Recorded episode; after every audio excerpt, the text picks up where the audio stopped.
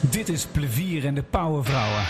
De podcast voor vrouwen en mannen die stappen willen zetten naar slim leiderschap.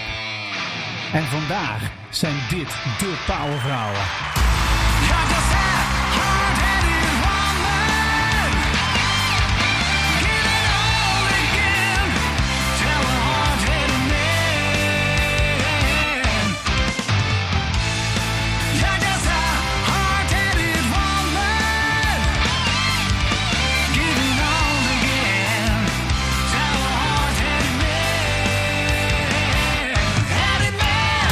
Ja, welkom in aflevering 3 van de Plevier en de Powervrouwen. En vandaag hebben we twee gasten in de studio. Mooie mensen.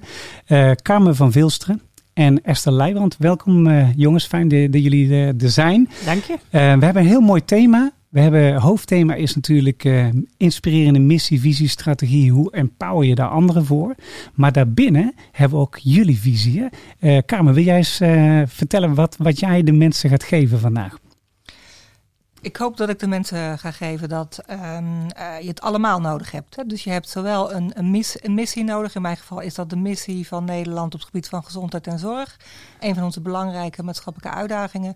Maar ik wil ook iets vertellen over hoe je nou dat nou realiseert. En uh, hoe je dat handen en voeten geeft en concreet maakt. Dus niet alleen maar mooie dromen, maar ook uh, hoe ga je dat nou realiseren. Ja, en we zitten in een hele moderne tijd. Ik, ik had gisteren toevallig een, een, een uitzending waar het ging over gebruik van data, kwalitatief in goede gesprekken en dat soort dingen. En kwantitatief in wat je allemaal kan meten en hoe je dat kan samenbrengen. Ik was echt onder de indruk, want ik had nooit gerealiseerd dat, dat dingen zo al geconnect zijn met elkaar. Weet je, dat is fascinerend. En ik ben ook benieuwd of jullie daar van, ja, daar moet gewoon, jullie moeten daar. ik zie, zag je al een beetje lachen. Ik kan me geen enkele uh, vergadering of onderwerp meer voorstellen zonder dat het woord data valt. Oh gezegd, ja, ja, dus ja. vandaar mijn grijns. Ja, ja, ja, ja, mooi is dat, mooi. Hey, en Esther, welkom. wat wil jij de mensen brengen? Ik wil mensen vandaag, denk ik, een stukje bewustwording brengen. En ik hoop ze te inspireren bij een uh, mogelijke volgende beweging in hun loopbaan. Nou, dat vind ik een hele, hele goeie. En er zit ook een linkje tussen jullie, want uh, waar Carmen heel erg bezig is met haar missie om te zorgen dat gezondheid uh, geboost wordt in uh, de wereld, ben jij op dat vlak ook bezig. Het zijn van een iets ander perspectief, maar jij krijgt er ook mee te maken. Hè? Zeker, zeker. Vitaliteit, gezondheid is denk ik de basis van alles. En als dat op orde is, dan kun je over de elementen gaan nadenken waar ik me mee bezig hou. Nou, ja. heel mooi.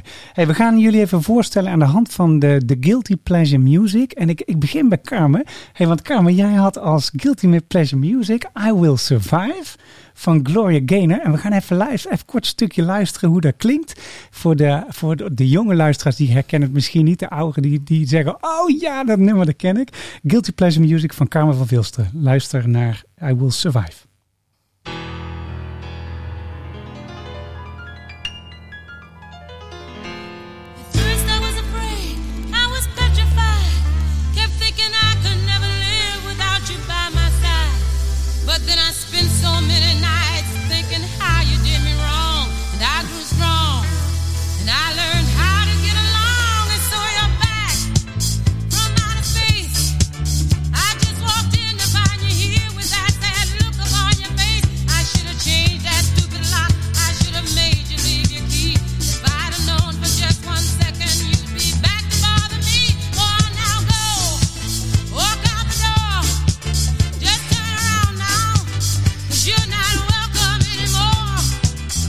Dit is toch wel erg de golden oldie klassieker van alle tijden, toch? Hè? Het is zo leuk, maar iedereen kent het. Hey, de nummer was ook ooit door Harmers House Band volgens mij ook uh, gecoverd. Maar deze vind ik toch nog, uh, die raakt me gelijk. Weet je, dat is wel heel mooi. Er zit heel veel pure energie in. Hè? Wat heb jij met dit nummer? Ja, als er nu een camera bij deze ruimte gestaan had, had ik niet uit te leggen, hoeven uit te leggen, Wout. Want we zitten hier met z'n drieën allemaal te swingen op onze stoel. Dus ja. dit is voor mij wel uh, het ultieme dansnummer. Ja. En en daarnaast is het natuurlijk ook, uh, ja, ik ben inmiddels bijna 60, of ben 60 moet ik zeggen. Ik heb in mijn leven ook wel een aantal keren meegemaakt dat ik zowel letterlijk als figuurlijk hier houvast uh, aan vond om ja. uh, te overleven in de wereld. Ja, ja, ja, en, dat, ja, en dat, is, ja, dat is ook, want dat is natuurlijk met een mensleven.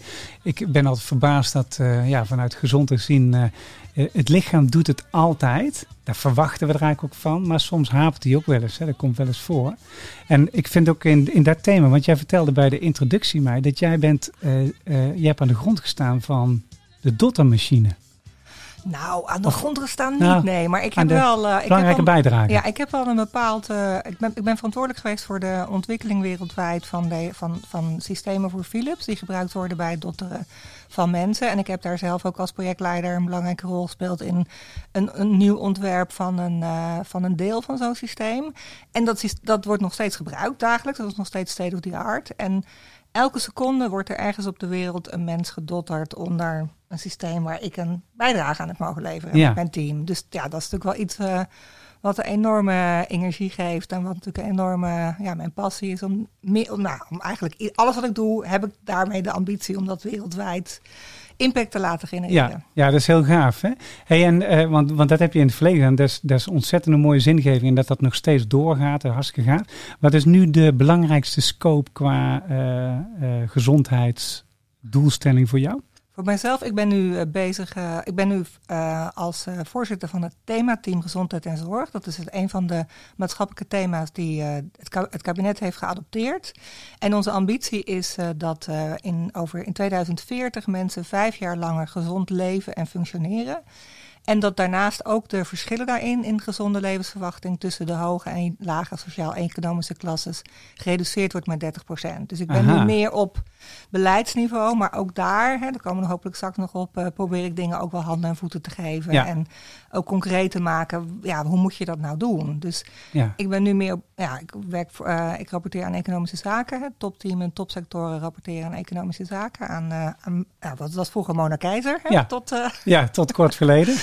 dus, dus dat is heel erg een, je zou kunnen zeggen, een beleidsrol. Maar ja, ik ben ook heel erg praktisch ingericht. Dus nogmaals, ik probeer het ook concreet te maken. Ja, mooi. Dat vind ik mooi. Ja, ik, ik merk ook steeds dat ik daar heel goed mee match. Ik krijg ook veel dames aan, aan tafel die enerzijds dat praktisch hebben, maar anderzijds ook dat zingeving en die dat goed combineren. En dat maakt ze inspirerend. Hè? Want ze geven eigenlijk handen en voeten aan iets wat ze als droom of als ambitie of missie hebben. En als je dat kan, dat is natuurlijk helemaal gaaf. Want ja, wat inspireert meer dan dat. Hè? Het is ook wat de wereld nou een beetje nodig heeft, denk ik. Dus uh, heel goed. hey, we hebben nog een gast aan tafel. Want Esther, jij uh, stuurde mij op. Dat vond ik echt heel gaaf. Want ik had dat nummer zeker twintig jaar niet meer gehoord. Echt niet? Nee, nee. En oh. dat is eigenlijk, uh, dat is eigenlijk zonde. Nou, zonde, zonde. Salisbury Hill van Peter Gabriel. En Peter Gabriel, voor, voor de mensen die het niet weten, die zat bij... Genesis. Genesis, hè. Voor, dit is zijn voor, eerste soloplaat. Zijn eerste soloplaat en ook gelijk een prachtig nummer. Prachtig. Ja, Salisbury Hill.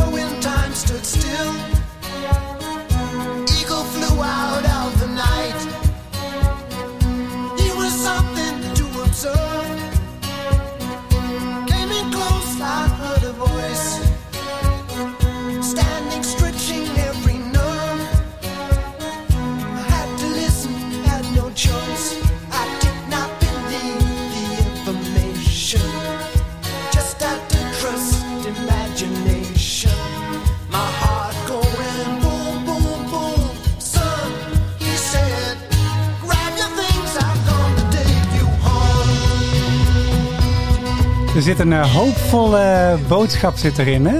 Dus ik vind het mooi, hè? Als je, als je goed gaat luisteren naar die tekst. De tekst is fantastisch. Ja.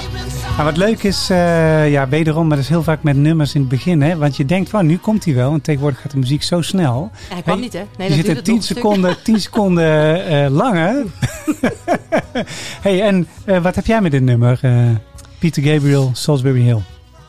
Um, nou, ik ben een kind van de jaren tachtig, dus dat uh, één. Hè? Dus je bent uh, in een bepaalde leeftijd als dit liedje een hit is. Um, uh, daarnaast ben ik ontzettend gevoelig voor teksten. En ehm, ik hou van mannenstemmen. Ja, dus dat. En, um, ja, dat is een hele, goede. hele goeie. Dus, um, en eigenlijk moet ik zeggen, de, het, het, liedje vond ik altijd al mooi. Maar pas sinds ik wat uh, ouder werd, zoals dat zo mooi heet, ben ik me eigenlijk gaan realiseren, waar gaat dit liedje nou precies eigenlijk over? Ja. En zonder natuurlijk exact te weten waar het bij in Peters een geval over gaat, al kunnen we het raden. Wij gaan bij Genesis hè, voor zichzelf kiezen met alle moeite die dat uh, kost. Um, heb ik het later ook gewoon veel meer omarmd bij mijn eigen keuzes. Hè. Dus ik herken ook dat jij zegt hè, dat zo'n nummer je kan dragen op bepaalde momenten in je, in je leven.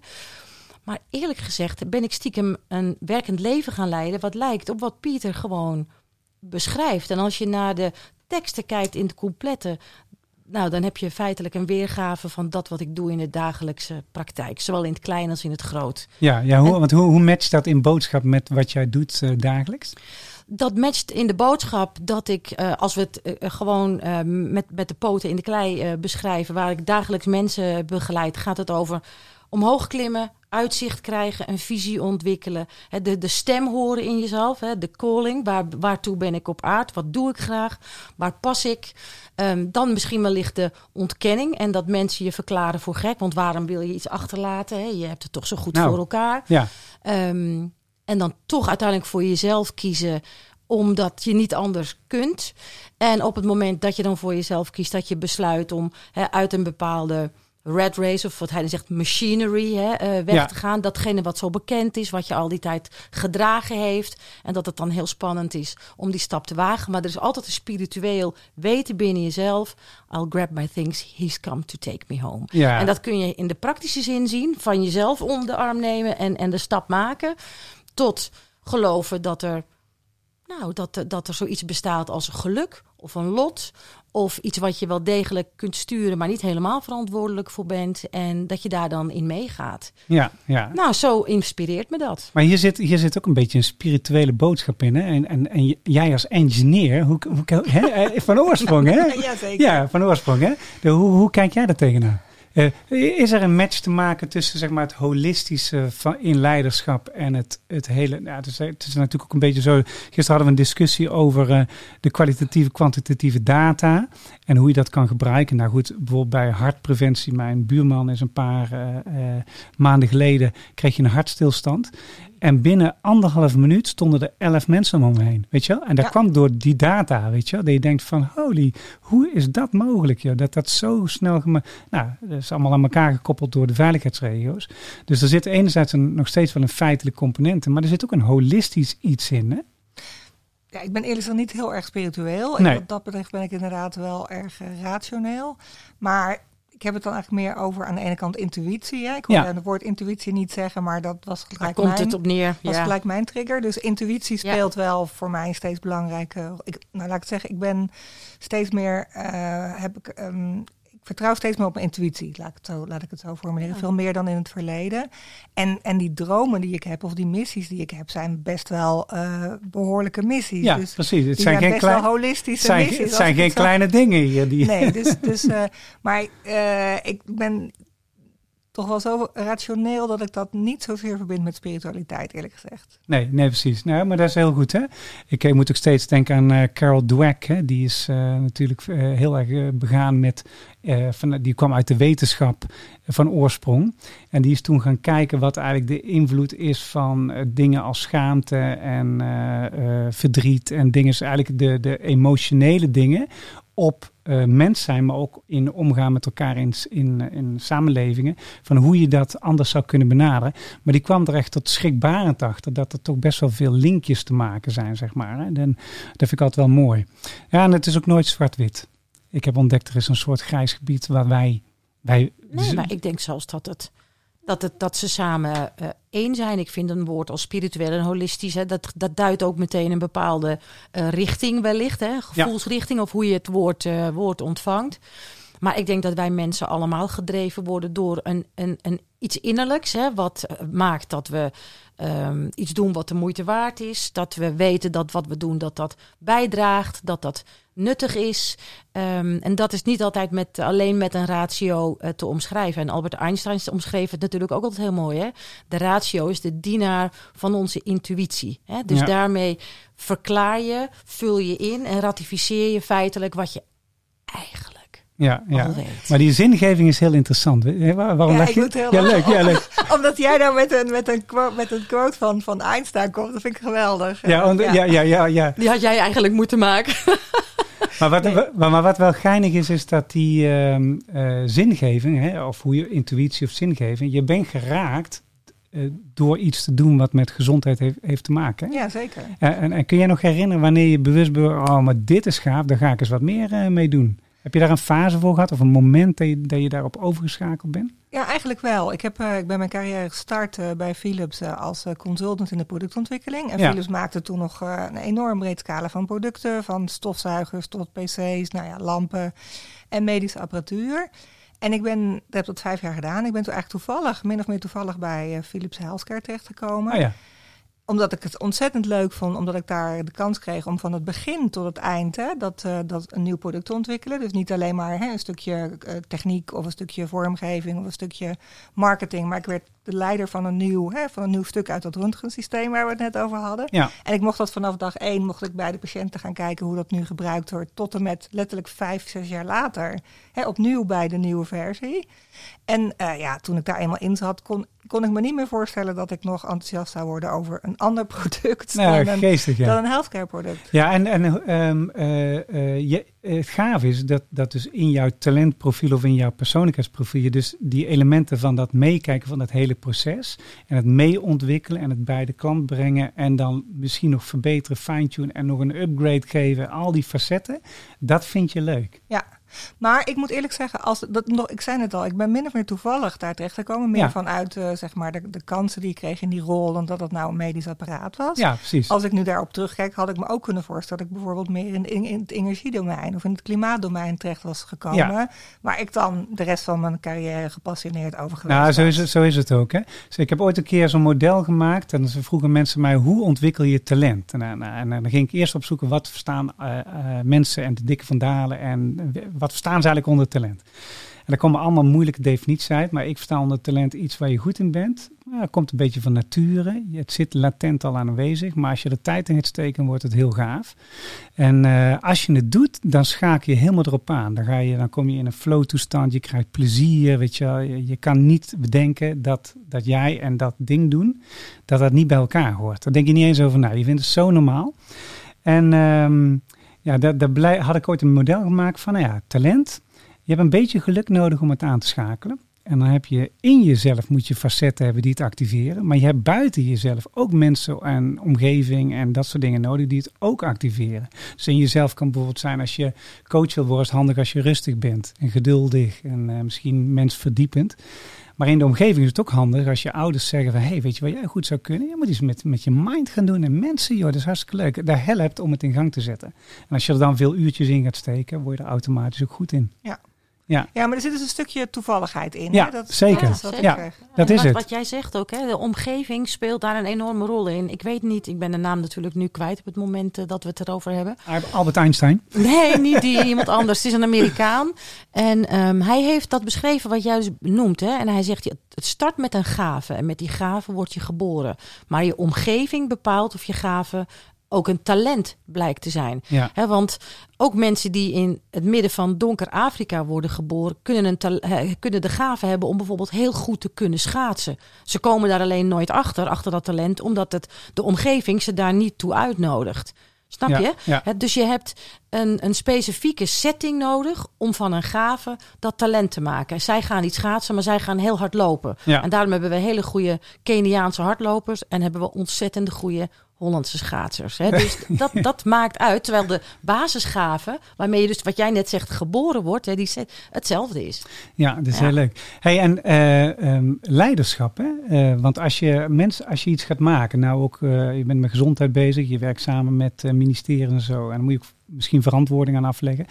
Ehm, en je wil een bepaalde kwaliteitsniveau, maar je kan het niet alleen. Dus, dus, je hebt niet alleen je eigen talent nodig, je hebt ook de talenten van mensen om je heen nodig. Hoe, hoe, hoe, hoe werk jij? Hoe doe je dat? Oeh, dat is niet zomaar heel kort uh, uit te leggen. Um, ja, eigenlijk maakt het natuurlijk wat dat betreft niet zo heel erg veel uit of je nou leiding geeft aan hè, de ontwikkeling van een nieuw product, of je geeft leiding aan het opzetten van een nieuwe grote strategische publiek-private samenwerking. Hè. Dat die, die componenten van leiding of die competenties, die zijn eigenlijk hetzelfde. Dus wat doe je? Je zoekt complementaire skills die je nodig hebt uh, voor je team.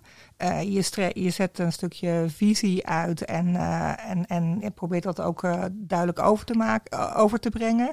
Maar je, je, je, je stippelt ook stappen uit met elkaar die je, die één voor één zet. En daarbij is die complementariteit van het team en het in staat zijn om zeg maar, alle aspecten en alle stakeholders te betrekken en ook hun taal te spreken, is heel erg, is heel erg belangrijk. Gaaf.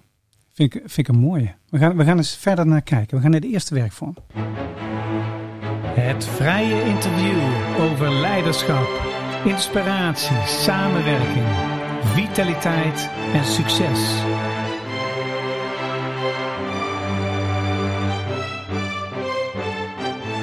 Vrije interview doen we. We gaan eens een aantal vragen, want we gaan een beetje verdiepen op, op dat thema. Uh, in jouw geval, uh, je gezondheid activeren. Uh, wat probeer je als uh, leider neer te zetten met je mensen?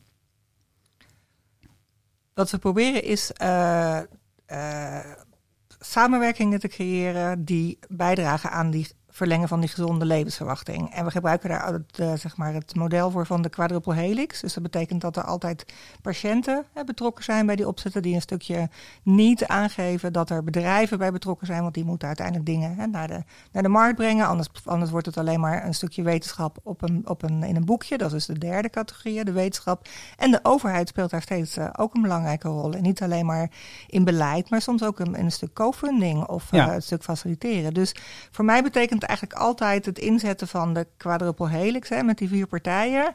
Om die gezamenlijk allemaal uh, dezelfde kant op te krijgen. En niet alleen maar ongeveer dezelfde kant op, maar behoorlijk gealigned in hun activiteit. Ja, en zit, zit er daar ook nog uh, stap of fasering in? Dat je bijvoorbeeld zegt van nou, het eerste wat we moeten doen is we moeten die partijen uh, in contact komen en met elkaar gaan verbinden. En misschien is de tweede stap dat je een soort missie-visie gaat definiëren, een soort stip op de horizon. En dat je van daaruit zeg maar bijvoorbeeld het praktisch gaat maken in de routines. En dat je van daaruit gaat uitrollen. Zit daar een, een logica in? Of ik had vanmorgen mensen die keken me aan die zeiden van... Nou, tegenwoordig, ja, je hebt een soort van plan, maar je hebt heel veel vrijheid erin. Oké, nou dan gaan we daar eens naar kijken. Als gewoon je management, je managementstijl is hier gewoon aan het... Uh ja, aan het ontfutselen, ja. ja. Ja, nou, ik denk, ik denk dat is heel erg afhankelijk van de situatie. Ik zeg ja. altijd in principe, hè, dus, uh, mag, kan iedereen dat zoiets beginnen? Hè? Bijvoorbeeld ja. op iets van dementie, als ik dan bijvoorbeeld een concreet voorbeeld pak. Hè? Ja.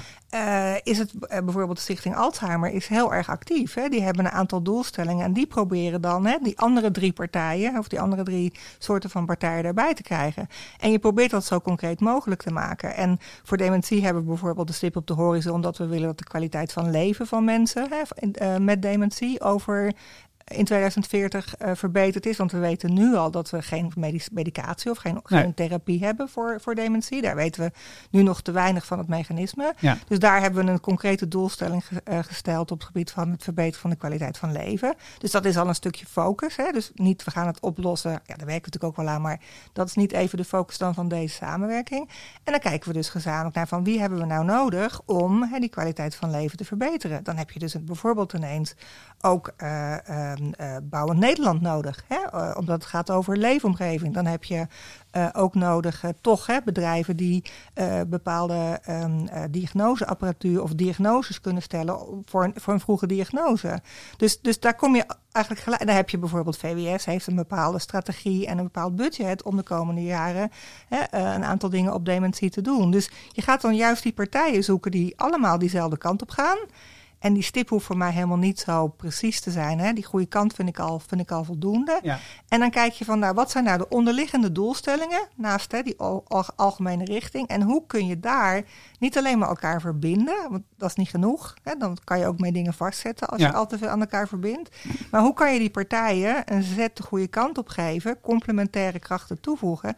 En soms een beetje creativiteit, of een beetje smeermiddel, of een beetje hè, nog een andere partij die er misschien nog iets aan kan toevoegen. Dus zo bouw je met elkaar uh, zo'n samenwerking op. Ja, dat is leuk. En, en, en het is dus, ja, het moet tegenwoordig ook bijna altijd samen. Het is niet meer zoals vroeger dat je je eigen dingetje hebt en het gewoon het kan niet meer. Kan niet meer, hè? Nee. Je, zegt, je zei het net zelf al. Je kan niet zo heel veel. Ja, als je natuurlijk thuis gaat zitten en je gaat voor jezelf je leefomgeving verbeteren, dat kan. Maar dat, als dat je ambitie is, is dat uitstekend ook, hè, ja. by the way. Uh, ja. ja. Iemand die dat als ambitie heeft, helemaal prima. Ja, maar daar, daar geloof ik inderdaad ook hoor. Dus uh, ja, dat is wel leuk. Dan komen we daar bij de tegenstellingen tegen. Uh, van, we zitten enerzijds in, in een tijdperk waar heel erg naar ik wordt gekeken. Dus echt het ik-tijdperk, puur summa. Dus gewoon, terwijl we zulke uitdagende issues in de wereld hebben, dat vergt gewoon heel veel samen. En dat, dat, dat wordt nog wel een challenge, denk ik. Ja, dat denk ik ook. Ja, ja dus ja, dat is interessant. Hey, en bij jou, hoe is dat bij jou? Wat, wat is bij mij? Wat was ook weer de beginvraag? Want er is alweer zoveel. Ja, eh, dus de, begin, de beginvraag die zit op uh, van wat vergt uh, jouw missie, zeg maar, in oh, leiderschap. Je bent natuurlijk uh, onder andere eigen bedrijf voor samen, maar je bent ook voorzitter, bij de NOLOC. Ja. Wat proberen jullie te bereiken? Nou, wat ik in dit hele grote geheel probeer te bereiken is dat, laten we groot dromen, dat iedereen loopbaancompetent is. Ja. En dus in staat is om zijn eigen loopbaan, hè, feitelijk levensloopbaan, um, goed vorm te geven. En dan zou je denken, gut, dat doet toch iedereen? Maar dat is niet zo. Dat is een uh, onderbelicht kind. Uh, dat zijn onderbelichte competenties, als we het dan toch over competenties hebben, waar heel heel weinig aandacht uh, voor is. En sommige mensen zijn het van nature, want die hebben toevallig net die skillset en dan gaat dat goed. Sommige mensen zijn gewoon, hebben wat meer inzicht. Andere mensen zijn wat meer zelfredzaam. Nou, als je een, een enkel onderdelen hebt, dan kom je doorgaans ook al een heel eind. Um, maar echt mensen, en eigenlijk al kinderen, hè, op jonge leeftijd systematisch bewust maken van die loopbaancompetenties. En daar op elk niveau aandacht aan besteden. Zodat we uiteindelijk die arbeidsmarkt die dan, hè, want dat is dan mijn speelveld, zullen we maar zeggen. Dat die arbeidsmarkt die in transitie is en in transitie zal blijven. Want het verandert met de dag. We hebben heel lang bepaalde stabiliteit gehad. En we zien dat we nu in een, in een enorme turbulente fase zitten. En eigenlijk al best een hele tijd. Dat gaat voorlopig ook nog wel even duren. Nou, dan betekent het dat mensen vaak op zichzelf zijn teruggeworpen. Want de baas denkt, dat doe je toch maar zelf. En de werknemer denkt, eh, maar waarom doet de baas dit niet? En dan krijg je zo'n zo'n padstelling waarin niks gebeurt. Dat zie je bij heel veel bedrijven. Nou, dat hoort echt bij jouzelf. En dat is mijn missie om iedereen loopbaancompetent te krijgen. En dat doe ik uh, bij Nolok. Ja, en het is natuurlijk een beetje, het, het, alles is geconnect met elkaar. Hè? Dus uh, gezondheid, vitaliteit kan niet zonder elkaar.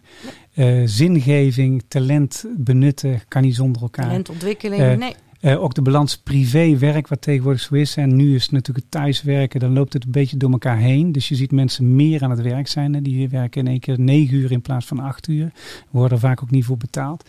En als je dus de laatste cijfers er tegenaan, dan zie je dat 38% zijn werk als zingevend beschouwt. Dat vind ik niet zo erg hoog. Maar 12% is bevlogen. 70% is tevreden over zijn werk. Um, ehm, 70% miste ook zijn collega's. Uh, dus die verbinding, verbindende factor was heel belangrijk. Even kijken, wat was nog meer leuk? Oh ja, de burn-out rate, verborgen burn-out rate. Met name de mentale, die is heel hard gestegen. En in anderhalf jaar tijd van 1,3 naar bijna 4,2 miljoen mensen. En dat heeft ook een effect natuurlijk op gewoon gezond zijn. Op je lichaam, of niet? Ja, absoluut. Ja, zeker. Ja. Dus, dus uh, gezondheid en zelfs ook uh, nog, nog een stopje daarvoor preventie. Hè? Preventie, ja precies. Preventie, daar is um, de, de, de, wat je zegt, zingeving is uh, absoluut daar een belangrijk, belangrijk onderdeel van.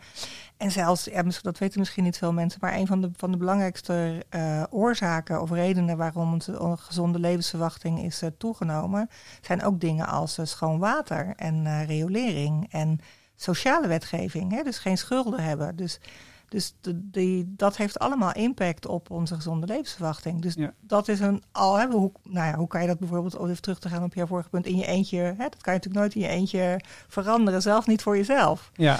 Dus, uh, dus... Ik, ik had zelf had ik nog een vraag die jullie hier kwamen. Hè? Want als je bezig bent mensen om je gelukkiger te maken en eigenlijk ook uh, in, in hun carrière uh, minder stress te geven, dan gaan ze waarschijnlijk langer mee. Kan ik me zo voorstellen. Ehm, als je bezig bent met gezondheid te laten toenemen aan alle kanten, het zij op dementie of op andere vorm, dan worden mensen steeds ouder. Maar de wereldbevolking die overgroeit een beetje. En ik hoorde gisteren op de radio dat onze uh, verbruiks... Ja, daar hebben ze een quota voor van hoe lang gaat de aarde mee. Die lag nou op 1,7. Dus we hadden 1,7 aarde grondstoffen nodig om de huidige bevolking uh, te kunnen voeden en te redden en zorgen dat het goed gaat. zit, daar, zit er ook een ethisch, denk je daar ook wel eens over na? Van ja, we zijn iedereen ouder aan het maken, maar ja, hoe gaat, gaat het dan nog wel goed met. Of gaan we verhuizen naar Mars? Ja, de, het klimaat-issue, wat, dat zei ik net Klimaat al. Klimaat ook, ja. Is, is, voor mij, hè, en dit is voor mij ook wel een heel belangrijk onderwerp. Maar ik moet je eerlijk zeggen, ik denk daar wel over na. Maar um, ook dat is dermate complex dat ik denk, ik ga me daar niet mee actief bemoeien. Nee, want er zijn mensen die dat veel beter weten dan ik. Dus, dus ik, maar het is absoluut, uh, absoluut waar wat je zegt. Een, een ander voordeel van, of een, een positief effect van, van dat mensen langer gezond zijn en leven, is dat ze ook juist steeds meer met die laatste fase, hè, zoals dat heet, ook iets doen in, in de zingeving. Hè? dus mensen zijn ook, hè, het is niet meer zo iemand die met zijn, nou ja, laat je zeggen, ergens tussen de 60 en de 67 met pensioen gaat officieel. Een groot gedeelte van die mensen die blijft uh, vaak onbetaald uh, werken. En ook in, in, met, met name op maatschappelijk relevante gebieden. Dus, dus dat wordt door de Raad van de Gezondheidszorg, of de Raad van de Samenleving moet ik zeggen. Die hebben daar een mooi rapport over uitgebracht. Dat heet de derde fase. En dat geeft juist aan dat dat bijvoorbeeld in de gezondheidszorg, in de vorm van mantelzorg, maar ook allerlei andere dingen, een heel belangrijk uh, potentieel van, van van handen en voeten en hoofden voor de gezondheidszorg Ja, ja. mooi. Ja, nou herkenbaar, want dat is natuurlijk precies de fase die ook bij veel van onze uh, kandidaten langskomen. Als we het hebben over de, de individuele mensen die langskomen voor een, uh, een levensloopbaan vraagstuk. Ja. Hè, wat, ik ben dat 50. Dat vind ik trouwens heel leuk, want als je aan mensen vraagt, heb jij een uh, loopbaan?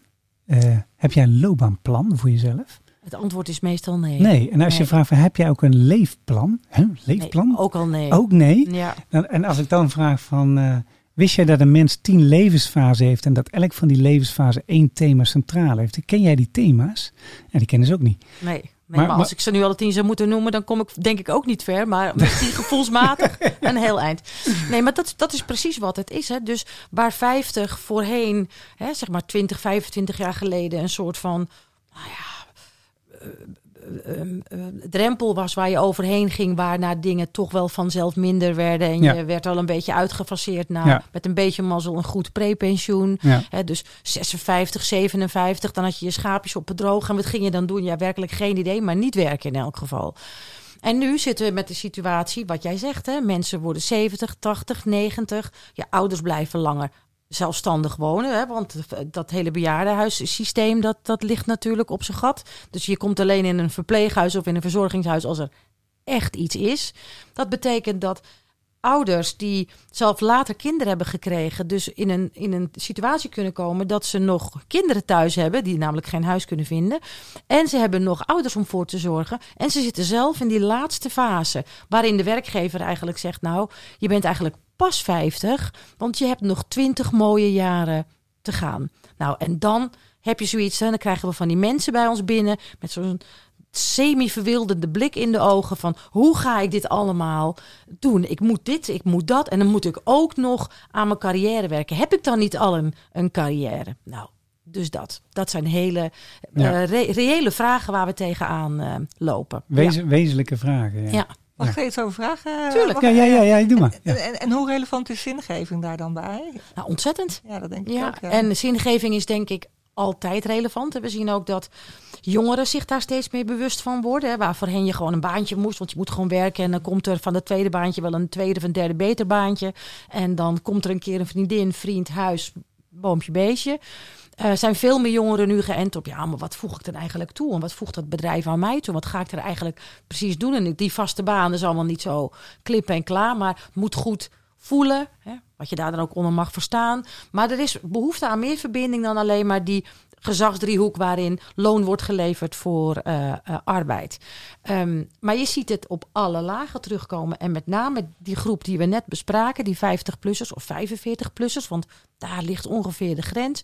Zie je dat mensen echt gaan denken van, hé, hey, is, is dit het nu? Ik ben ergens ingerold, vanuit een talent wat toen op dat, in dat levensthema hè, uh, naar boven is gekomen. Maar dat doe ik al eens twintig jaar. Moet ik daar niet eens even opnieuw naar, uh, naar kijken? Naar kijken ja. En moet ik dat niet tegen het licht houden? En nou heeft natuurlijk de afgelopen COVID-periode daarin ook enorm um, nou ja, geholpen, zou ik bijna willen zeggen. Mensen zaten veel thuis, hadden behoorlijk wat ruimte en tijd om op zichzelf te reflecteren. Uh, zagen op andere plekken in de samenleving een urgente vraag ontstaan naar handen, uh, aan het bed, uh, naar een ander soort zorg. Hè. Onderwijs die kampte met allerlei ICT-problemen. Nou, en dat gaf een enorme house eigenlijk op die markt van mensen die zeiden: Nou, ik ga daar waarde aan toevoegen. Want dat, ja. dat, dat doet echt iets met mij. Dat vind ik, hoe erg het ook is, wat achter ons ligt en waar we nog een beetje in zitten. Maar het heeft ook iets heel moois gebracht. Ja, ja mooi zeg. Mooi. Weet je antwoord op je vraag? Uh, Jazeker. Ja, ja ik, ik, vraag het ook omdat mensen vroeger wel eens tegen mij zeiden van... ja, Carmen, je hebt een luxe probleem. Hè? Jij bent zo gepassioneerd. Dat heeft niet iedereen en dat kan ook niet iedereen krijgen. Maar ik, ik, ik, hoor jou nou toch wel zeggen dat dat, uh, dat, dat toch wel uh, essentieel is en misschien wel steeds essentiële wordt. Nou, ik denk dat je hier de essentie van mijn vak te pakken hebt. Hè? Want als mensen zeggen, de quote is niet van mezelf, het is van een collega die naast ook loopbaanadviseur reisleider is. En die was met een, een, een gast in gesprek, en met een medereiziger. En toen hadden ze het over zijn werk, hè, van die reisleider. En toen zei die man, ja, maar we hadden het over loopbanen en besluiten. Ja, maar zegt die man, weet je, jij hebt makkelijk praten jij hebt leuk werk. En toen zei Frank, mijn collega, en dat is precies de essentie van loopbaanbegeleiding. Ja, mooi. mooi. Dat is mooi. Hey, aanvullend, uh, uh, even slotje van dit ronde. Wil jij nog iets toevoegen aan de luisteraar? Je zegt van, nou, dit vind ik nog belangrijk om te vertellen. Als ik een interview zou geven, wil ik dit nog kwijt.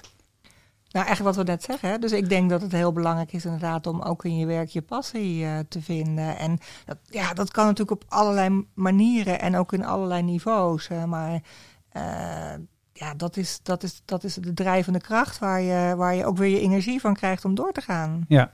Hey, stel dat wij, uh, uh, we gaan het volgende doen. We gaan even de volgende werkvorm doen. De overeenkomstenrace. De overeenkomstenrace. Het is een heel leuk spelletje. En ik zou zo graag willen dat heel veel mensen dat nu met elkaar gaan doen, de overeenkomstenrace. Want zou ze dat in de politiek hebben gedaan, waren ze er nu al lang uit geweest. maar goed, de, dat even terzijde. Um, de bedoeling is dit: jullie krijgen drie minuten tijd. Uh, om vanuit dit kader, dit perspectief, hè, dus de, de bredere missie brengen, zorgen dat je mensen empowert, uh, al die goede dingen die jullie net hebben benoemd. Vind dus zoveel mogelijk overeenkomsten bij elkaar die jullie gebruiken om uh, dat die missie zeg maar te laten slagen. Wat doen jullie allebei? Dus ik zal even eh, een voorbeeld geven. Jullie hebben allebei een praktisch perspectief wat jullie tot leven wekken. Allebei. Uh, ik ken jullie een klein, beetje, maar dat heb ik gezien. Dat is bijvoorbeeld één ding wat jullie gemeen hebben met elkaar. Wat er meer? Mag je met elkaar doen? Ik zie in jou ook um, dat je een bepaalde overtuigingskracht hebt. Klopt. Dus je mensen makkelijk meeneemt. Je bent in staat om een beeld te schetsen. En daar de kar dan ook in te, in te trekken. Dat zie ik. Dat, ja. heb, dat heb je goed gezien.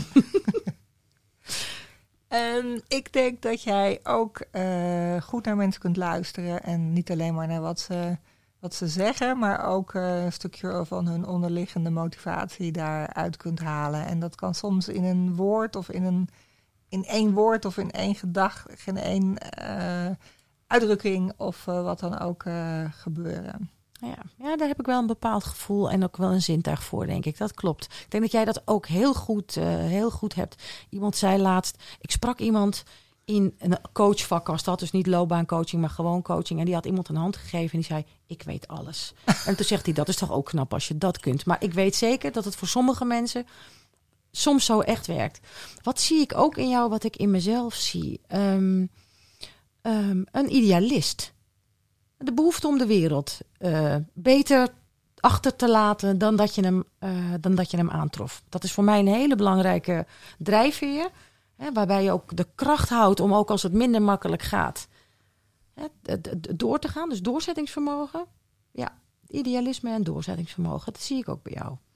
Ja, en dan, dan nou, dat klopt natuurlijk helemaal. Wat, wat ik wel, wat ik dan lastig soms in vind, is daar dan de balans in tussen, zeg maar. Ik vind mijn gezin natuurlijk ook heel belangrijk. En, maar ik merk ook wel dat er bepaalde fases in mijn leven zijn dat ik misschien meer, hè, toch vol voor dat idealisme of voor mijn, mijn, zakelijke, op, of mijn zakelijke, mijn, mijn uh, carrière ging. En andere periodes waar ik wat meer aandacht voor mijn gezin uh, had. Dus ik vind het lastig om altijd die balans helemaal in evenwicht te hebben. Dus ik merk dat ik er soms voor gekozen heb om de ene keer hè, dan de balans meer aan de ene kant en de andere keer de balans meer aan de andere kant te houden. Is dat iets wat jij herkent? Zeker, zeker. En dat zou je een, uh, je, je zou misschien een neiging hebben om dat misschien als een beetje een, een, als voorzichtig te betitelen. En een ander, de luisteraar zou misschien per ongeluk kunnen denken dat dat een zwaktebod is, maar dat is natuurlijk niet zo.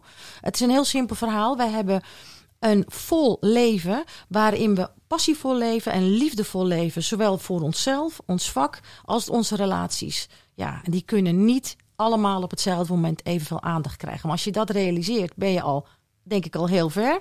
En als je er dan ook nog voor zorgt dat je er bij tijd en wijle even bij stilstaat, dan is het met die kinderen van jou volgens mij helemaal goed gekomen. Net als met die van mij. Ja, en is dat ook een overeenkomst met jou? Die, heb je de ervaring ook zo dat je liefdevol, passievol ergens voor gaat? En, eh, en de ene keer zoek je een beetje de balans bij je gezin, de andere keer. maar, maar het zit er gewoon in. Ja. ja, ik denk inderdaad wel dat. Uh, ik krijg wel regel, ik heb wel regelmatig feedback gekregen. Dat bijvoorbeeld als het in de vakantie, vakantie was, dat ik dan veel energie had. En dat inderdaad helemaal hè, dan aan, aan het gezin besteden. Terwijl mensen die misschien minder energie uit hun werk haalden in de vakantie ook niet de energie hadden om dat met hun kinderen bijvoorbeeld uh, te delen en te besteden. Dus dat herken ik wel. En ik, ben, uh, ik, ben, uh, ik heb natuurlijk ook ups en downs gekend in mijn carrière. Ik was op een gegeven moment ontslagen en een tijdje thuis. Dus zei ik tegen mijn kinderen, nou, zal ik dan maar gewoon thuis blijven? Nee, nee weg! dat zegt mijn zoon ben... ook. zegt, mam, zegt hij, je oh, ziet veel te veel. Zegt hij, wordt het niet eens tijd dat je weer naar buiten ja. gaat? Ja, dat. dus dat delen we ook samen. ja, ja. ja. En wat ik ook wel zie is energie. Hè? Je doet niet één ding, maar je doet meerdere dingen en ook meerdere dingen tegelijk. Je moet jezelf herinneren aan het feit dat je al 60 bent. Hè? En um, dat vind ik ook prachtig. Want als je um, een energierijk leven leidt, dan is er blijkbaar op de een of andere manier altijd ruimte om ook nog dat ene dingetje erbij te pakken. Of om toch daar nog aandacht aan te besteden. Ik schrijf ook nog. Ik doe nog iets met dichten. Ik zit nog op. Ik, ruim, ik heb aandacht voor sport. Ik het doe van alles. En dan zeggen mensen: Ka hoe doe je dat? Kamer zit ook te lachen. Maar waarom lach je? dat herkent ik, ik heb officieel twee banen. Ik werk ook op de TU Eindhoven hier vlakbij als directeur Held. Ik zit in uh, denk een stuk of vijf, zes besturen. Ik trek een aantal adviesraden. Um, dat? Uh, ik maak sieraden. Ik ben uh, heel fanatiek sieradenmaker. Ik sport en nou, zo doen we nog wat andere dingen erbij. Kijk. Dus, dus, eigenlijk als je, als je het samenvat in gemeenschappelijkheid, jullie, uh, stel je voor dat een leider, hè, dat die uh, vitale van zijn sport, ze is ook nog steeds bezig om gewoon haar hobby's, interesses, creativiteit tot leven te laten komen. Dat gebruikt ze enerzijds in de gezin, maar ze gebruikt het ook in de balans als uh, sturen van partijen en misschien wel creatief in het netwerken. Hè, daar gebruikt ze dat ook. ze is zo bevlogen dat ze ook onderdeel uitmaakt om sturing te geven. Jullie hebben allebei dat jullie in meerdere dingen sturing geven aan mensen en aan groepen. En waarschijnlijk ook je talent daarbij gebruiken. Uh, daarnaast, uh, die persoon die luistert ook goed, heeft overtuigingskracht. Die streeft een hoog ideaal naar voor zichzelf en voor anderen.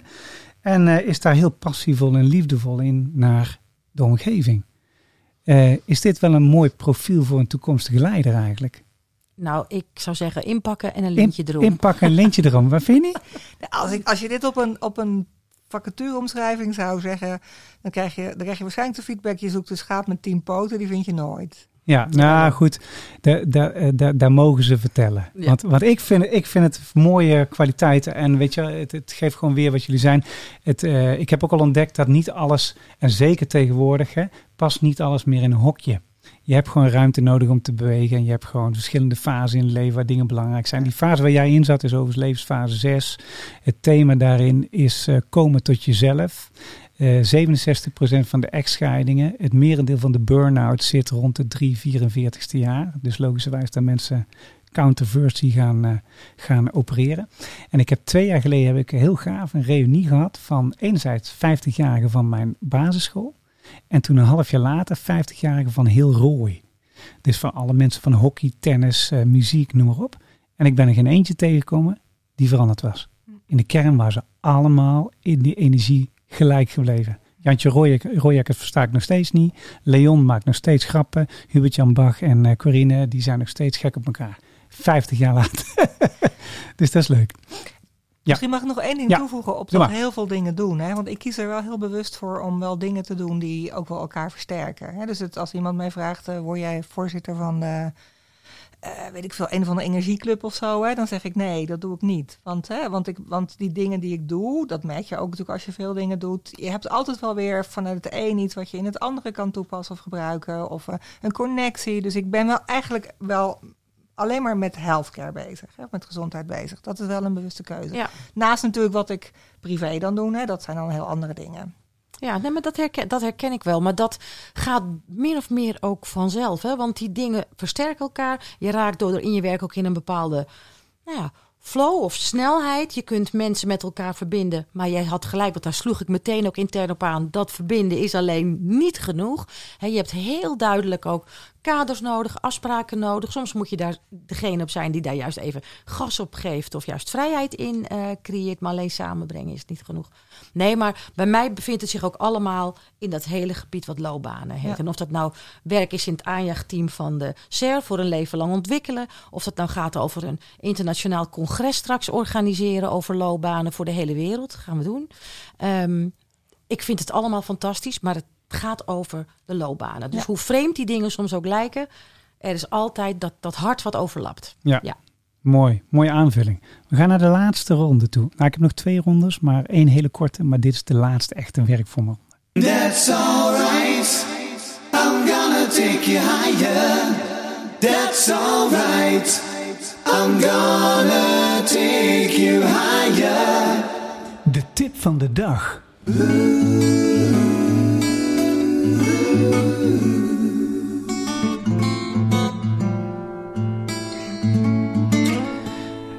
Gonna Take Your Higher, dat gaat over uh, de ultieme advies die je mensen kan geven vanuit jouw perspectief. Dus we gaan het even concreet maken. Ja, moet ik die kant op? okay. Kan ik even nadenken? Ja, mag jij even, jij mag even nadenken. Heel goed. Ook leuk, uh, leuk bij jou te beginnen.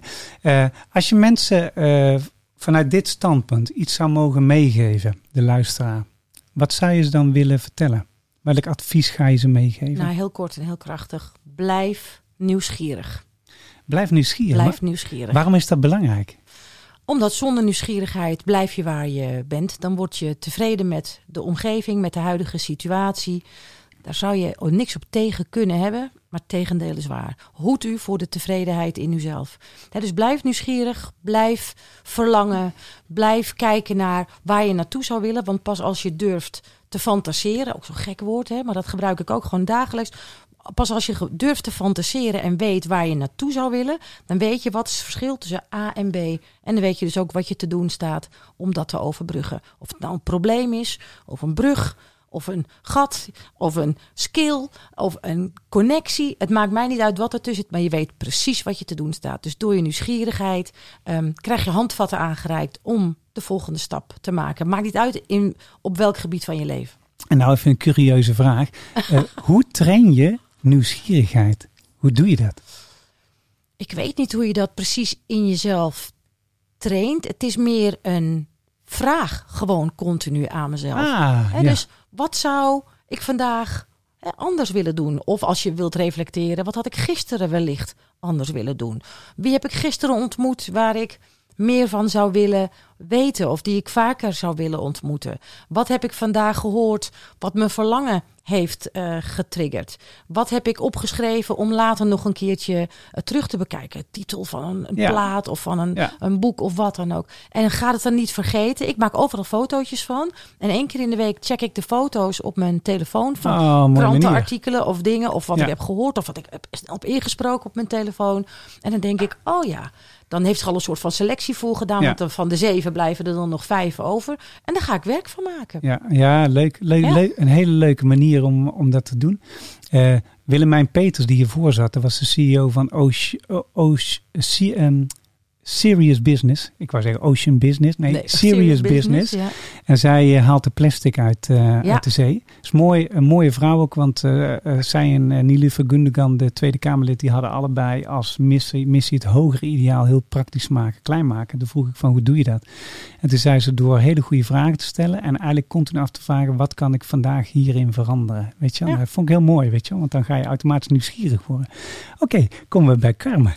Wat wil jij de luisteraar meegeven? Hoe, hoe maken we jouw ding praktisch? Mm, toch iets uit mijn eigen domein dan, uit het ja, healthcare domein. Goed. Ja. In, binnen health wordt er heel veel gesproken over, we zetten de patiënt centraal, hè, we zetten de burger centraal en het gaat over de patiënt.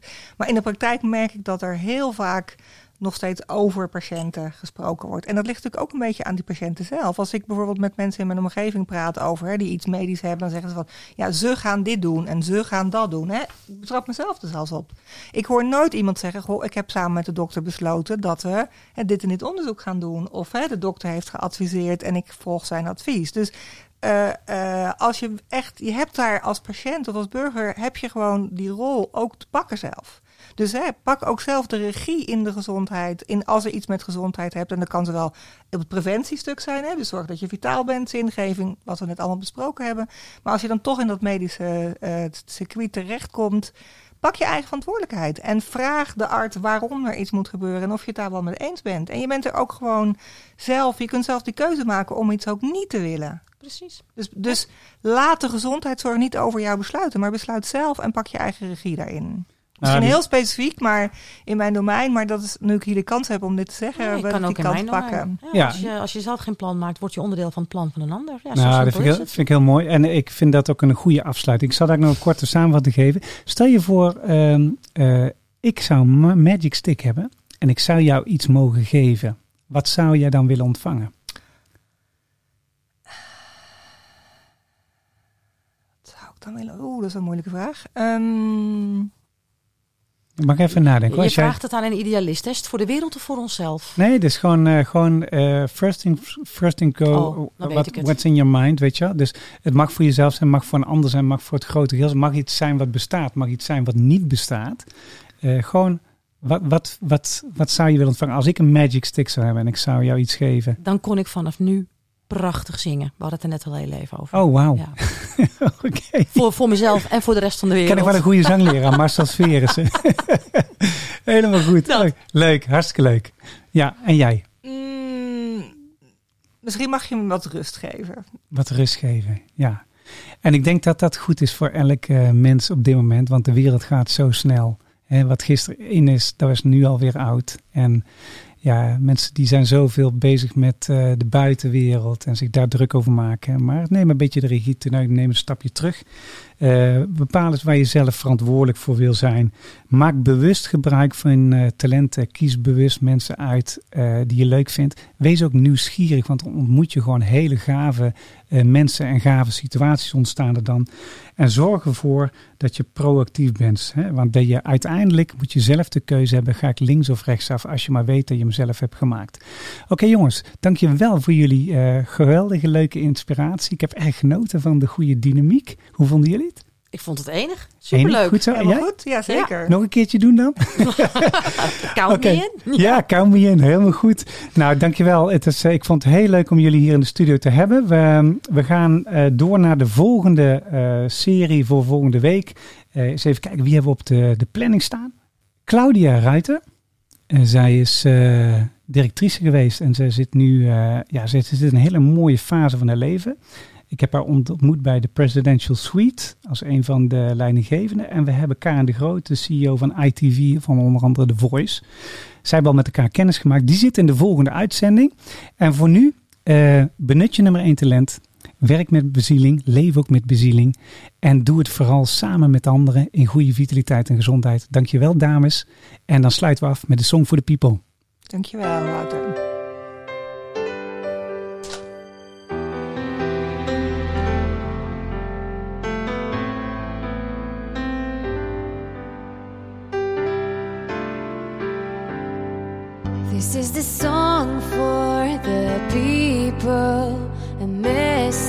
of hope.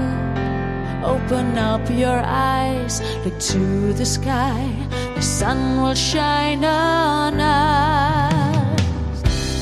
Every night I watch the moon and the changing tide.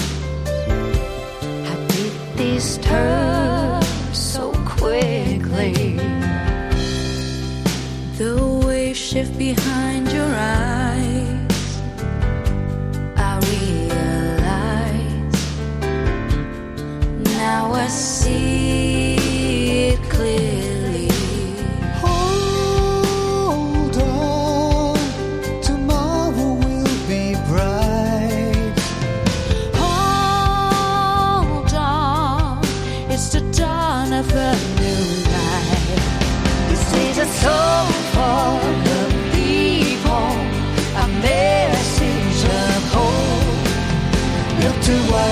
sun.